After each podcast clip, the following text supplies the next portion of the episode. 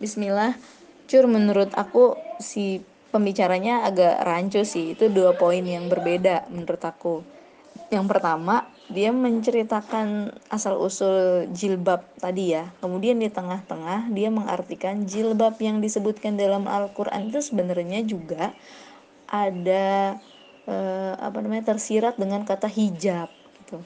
Eh, terus aku sepakat tuh di situ bahwa hijab uh, lebih ke bagaimana laki-laki itu bersikap menghargai terhadap perempuan dan bahwa meskipun dengan berjilbab uh, dan hijabnya perempuan itu dapat ikut berkontribusi dalam kehidupan sosial masyarakatnya uh, seperti catatan sejarah kan kondisi apa peran-perannya Khadijah dan Aisyah ketika zaman Rasulullah dulu. Nah, itu di situ bisa kita telaah.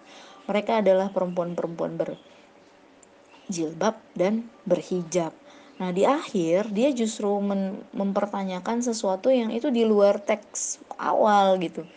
Kenapa ujungnya jadi dikaitkan dengan e, situasi pertama bahwa kan dia menceritakan kenapa sih dulu akhirnya Rasulullah e, mendapat ayat harus berhijab. Katanya kasusnya kan perempuan-perempuan yang keluar rumah untuk kebutuhan pribadi itu di tengah di tengah perjalanan diganggu oleh orang-orang yang tidak bertanggung jawab. Nah apakah demikian murni gitu? Sementara juga ada juga kasus-kasus yang kita baca ya kalau dari hadis-hadis itu bahwa oh, untuk melindungi para budak-budak yang kemudian diperlakukan tidak semena-mena. Nah, artinya kita nggak sesempit itu loh gitu. Jadi nggak cuma tindakan kriminal dalam hal ini gitu. Nah, di akhir dia menempatkan bahwa perempuan dipaksa menggunakan jilbab harus di dalam rumah e, tertutup dengan himar, tapi di dalam rumah dia harus berperilaku seperti budak cinta. Itu loh harus ditambahin. Budak cinta yang e, harus siap kapan saja bagi suaminya Nah, apakah imajinasi erotik? Ya memang iya. Coba aja kita tes case kepada suami-suami. Apakah dia e, senang dengan kondisi istrinya tuh di rumah siap kapan saja dan sebenarnya kan gak harus di rumah.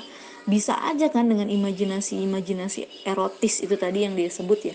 E, kondisi maknya kondisinya macam-macam. Nah, apakah itu salah? Ya coba aja kasus Nabi Adam dengan Hawa dulu. Dilarang makan buah huldi. Nah kan berarti nafsu insan manusianya itu emang ada diturunkan secara kodrat. Itu Allah menempatkan diri kita seperti itu.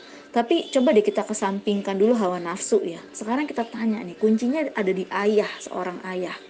Coba tanya ayahnya seorang ayah mau nggak melihat anak perempuannya berakal, pintar, akademisi, seperti perempuan yang tadi berbicara siapa namanya Ali itu Samina Ali, uh, apa namanya ber, uh, cerdas, tapi kemudian dia ber, dia tampil di halayak ramai dengan pakaian seperti itu. Apakah rela seorang ayah melihat demikian? Kemudian nanti kita juga kan bisa membayangkan ya seorang ayah. Dia berharap istrinya seperti budak cinta baginya di dalam rumah sehingga muncul keharmonisan rumah tangga. Ya kan? E, istri yang selalu siap gitu dengan ke, dengan ke, kegiatan domestik tapi juga siap dengan kegiatan percintaan gitu.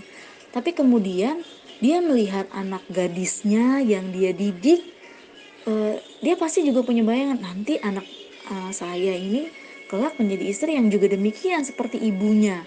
Nah sanggup nggak dia melihat anaknya mempertontonkan aurat sedemikian seperti pembicara itu dengan bungkusan cerdas, dengan bungkusan CEO dan sebagainya seperti Khadijah. Apakah demikian? Dan lantas dikaitkan dengan e, kriminalitas. Nah, jadi poinnya nih ada lagi beda, ada satu lagi poinnya bahwa memang ini sih kayaknya dia pengen jangan membuat jilbab ini sehingga mempersempit ruang gerak perempuan, tidak boleh berkiprah Kemudian alasan bahwa tingkat kriminalitas di luar sana itu meningkat akibat perempuan-perempuan ini tidak boleh berekspresi dengan pakaian.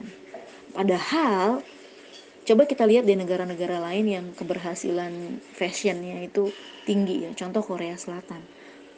Di dalam film-film Korea Selatan itu nggak pernah para pemainnya itu menggunakan pakaian yang terlalu seronok nggak pernah. Memang ada ekspresi tapi nggak pernah sampai diumbar-umbar seperti orang-orang di Amerika. Mereka tuh lebih lebih brutal dalam ekspos uh, aurat tapi kalau negara-negara timur tuh memang punya batasan. Nah orang-orang Arab ini nih kan Arab Turki Eropa Timur menurut menurut uh, apa pandangan aku ya. Mereka nih uh, ingin bebas tapi merasa terkungkung dengan hukum-hukum itu.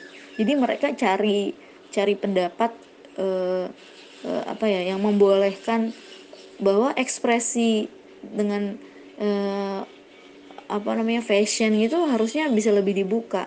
Nah itu kan ada jadi tiga poin ya yang berbeda menurut aku ya. Yang pertama tadi hijab itu tuntut tuntunannya itu untuk apa? Yang kedua kemudian bahwa perempuan ini harusnya juga bisa jadi budak cinta ya budak cinta di dalam rumah tangganya untuk keharmonisan tentunya dengan dasar-dasar tadi menghargai, mencintai, menghormati tetap ada gitu. Terus yang ketiga itu tadi menurut aku tingkat kriminalitas yang dikaitkan dengan aurat perempuan. Emang benar sih harusnya laki-laki tuh uh, pikirannya tuh jangan mesum gitu. Itu benar. Jadi itu ada tiga tiga hal yang menurut menurut aku treatmentnya tuh berbeda dan harus kita harus kita kita dampingi perkembangannya gitu. Maksudnya banyak harusnya banyak penulis akademisi itu yang terus menggali itu gitu dan memberikan banyak pencerahan. Ehm, karena itu tiga hal yang kalau misalnya kita jalanin ya baik-baik menurut aku ya jaga aurat di luar sana lah perempuan menjaga aurat itu justru sebenarnya kunci kunci kemaslahatan banyak hal. Jangan sampai dari dari pembahasan yang di tadi ini di film di di apa cuplikan ini uh, justru membuat kita berpikir ulang bahwa jangan-jangan itu hadis dan ayat itu malah justru memerosotkan banyak hal bagi perempuan. Enggak enggak begitu. Jadi itu tiga hal menurut aku tiga poin yang berdiri sendiri-sendiri dan harus kita kita dampingi uh, kita rawat perkembangannya bagi anak-anak perempuan ya terutama uh, untuk kebaikan dirinya dan keluarganya kelak di masa yang akan datang ya kan pada kenyataannya kita nggak menginginkan perempuan yang mengumbar-ngumbar aurat terus dia hebat gitu di luar sana jadi CEO kah atau apa. Terus boleh gitu dia membuka-buka auratnya. Kan nggak itu juga kan. Yang kita inginkan kan konsumsi kecerdasannya konsumsi pemikirannya kepintarannya kontribusinya terhadap sosial masyarakat.